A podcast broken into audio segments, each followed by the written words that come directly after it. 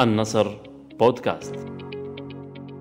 أهلا ومرحبا بكم مستمعينا الأفاضل. هذه حلقة جديدة من النصر بودكاست واصحبكم فيها أنا ياسمين بوجدري.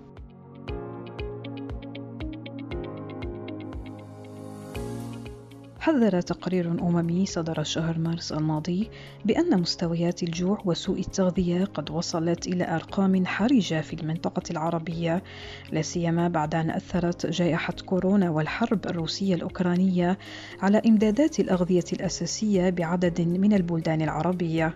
ومعلوم أن الدول العربية تقع في منطقة تشهد ندرة في الموارد المائية وزيادة في موجات الجفاف والتصحر بفعل تأثيرات التغير المناخي، كما تستورد هذه البلدان أزيد من نصف احتياجاتها من القمح الذي يعتبر الغذاء الأساسي للشعوب العربية.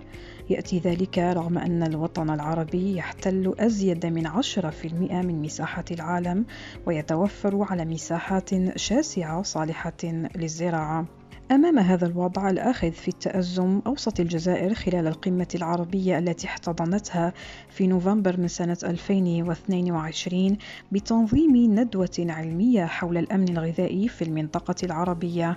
الندوة انعقدت قبل أيام قليلة في مدينة قسنطينة وقد حضرها ستون خبيرا عربيا من بينهم الدكتور فاضل الزعبي الخبير في الأمن الغذائي بمركز جنيف للدراسات والممثل السابق للمكتب الإقليمي في الشرق الأدنى وشمال إفريقيا لمنظمة الأغذية والزراعة للأمم المتحدة فاو في هذه الحلقة من النصر بودكاست التقينا بالدكتور الزعبي على هامش هذه الندوة العلمية وأثرنا معه عددا من القضايا المتصلة بملف الأمن الغذائي في الوطن العربي.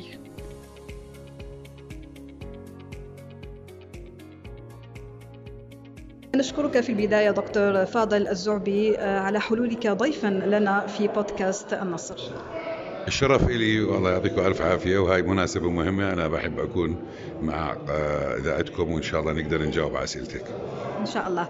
طيب دكتور فاضل منطقة عربية تتوفر على 220 مليون هكتار من الأراضي الصالحة للزراعة وبلدان غنية من حيث الموارد الطبيعية رغم ذلك تشير آخر التقارير الأممية إلى انخفاض المساحات المزروعة وزيادة نسبة الجوع في هذه المنطقة.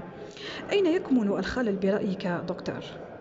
الخلل واضح جدا الخلل واضح ويتبين ذلك من أن التغيرات المناخية تضرب فينا ورد الفعل تبعنا لم يرتقي إلى مستوى الفعل لذلك إحنا نتخلف سواء على صعيد الموارد الطبيعية كأراضي أو كمياه ولا يوجد ما نقوم لنعكس هذه المسيرة عبر إدخال التكنولوجيات التي تستطيع من أن تجعلنا قادرين على الصمود قادرين على التكيف والتخفيف من آثار المناخ.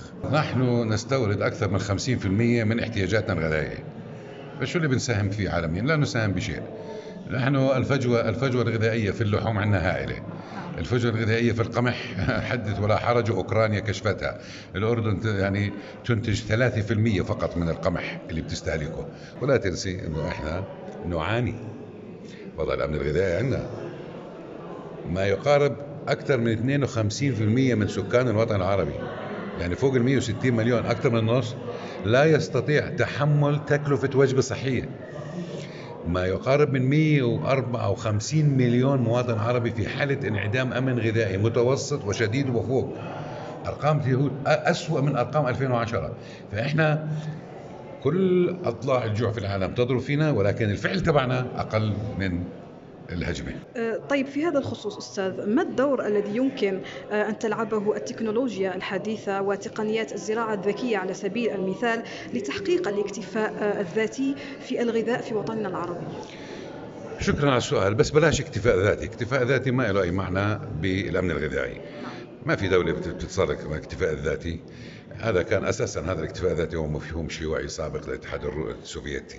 وانتهى. لكن ممكن نحقق نسب عالية من الاكتفاء ونسد في فجوة العجز بين المطلوب المستهلك والمنتج.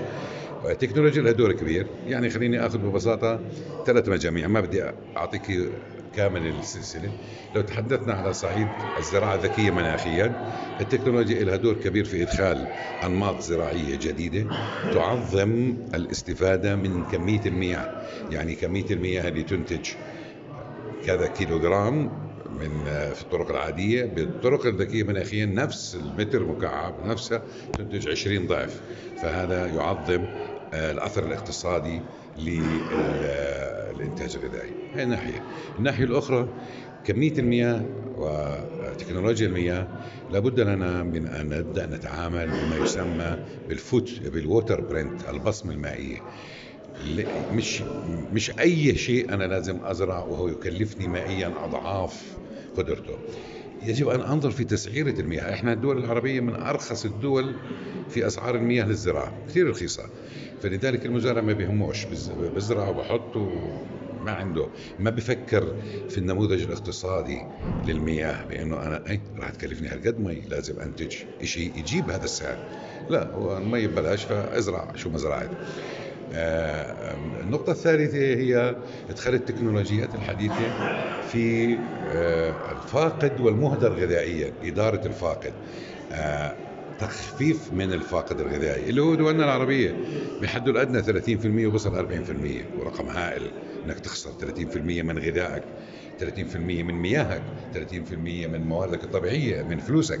لذلك لابد من أن نقوم بسياسات تخفيف من الفاقد كيفية التعامل معه recycling إعادة استخدام وال management تحويله إلى غاز تحويله إلى سماد تحويله إلى علف. هذه لابد أن نستفيد منها التكنولوجيات تضمن ذلك. وطبعا التكنولوجيا بتدخل في سلسلة القيمة غير الثلاثة اللي ذكرتهم كاملة ابتداء من الفرز والتجميع والتغليف والنقل والتخزين والتصنيع للمنتج الغذائي. تجتمعون اليوم في قسنطينة في الجزائر إلى جانب حوالي 60 خبيرا في ندوة علمية حول الأمن الغذائي في المنطقة العربية. هي تعتبر أحد مخرجات القمة العربية في الجزائر. ما مدى أهمية مثل هذه الندوات العلمية وأهمية العمل أو الجهود العربية المشتركة لتحقيق الأمن الغذائي؟ مهمة جدا. هذه أول مرة يجتمع فيها الخبراء العرب للحديث بهذا اللون من الحديث وهذا يرجع فيه طبعا الفضل إلى التصميم الجزائري بأعلى السلطات إلى كل الجهات حول أن يقوموا بشيء لفعل شيء في الأمن الغذائي العربي. وتمثل ذلك في العديد من النقاط. يعني مش فقط في الإعداد لهذه الندوة كذلك حتى في الإعلان عنها في الكلمة الافتتاحية لرئيس الوزراء في مؤتمر القمة بجدة مؤخرا. إذا الموضوع له أهمية كبرى. ناهيك عن أن الجزائر يقوم بخطوات جيدة في مجال الأمن الغذائي يعني بنك البذور الذي تم افتتاحه مؤخرا. هذا راح يكون له نقلة نوعية. والمشاريع الأخرى التي تسعى من خلالها الجزائر إلى رفع إنتاجية الدونم أو وحدة المساحة الهكتار من القمح. حتى تستطيع أن تكون مجزية وتحول الجزائر حسب ما الخطط موجودة خلال أقل من عشر سنوات إلى مركز لإنتاج القمح في العالم. في الأخير أستاذ أشرتم في سياق حديثكم إلى مجموعة من الحلول التي يمكن اللجوء إليها.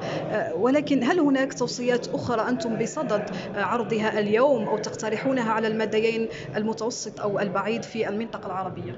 الكثير من الحلول. حقيقة يعني هسه صعب إني أذكرها كلها لأنه إحنا أربع لجان وكل لجنة طلعت في عدة اقتراحات. لذلك كل هذا اختصاره راح يكون في الجلسة العامة اللي هي بعد ساعة حتى يتم الإعلان عن ما سوف يتم القيام به. نفسها كلها تتعلق باستخدام التكنولوجيا مثلا في مجالنا في جهات أخرى في المياه اللي هي تحسين استخدام المياه في جهات أخرى في الأسماك اللي هي نظر بشكل مستدام إلى مصائد الأسماك وهكذا. نشكرك جزيل الشكر دكتور فاضل الزعبي على حضورك معنا.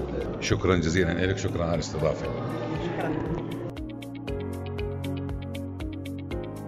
نشكركم جزيل الشكر مستمعين على طيب وكرم المتابعة. لا تنسوا الاشتراك في حسابات النصر بودكاست على تطبيقي سبوتيفاي وجوجل بودكاست.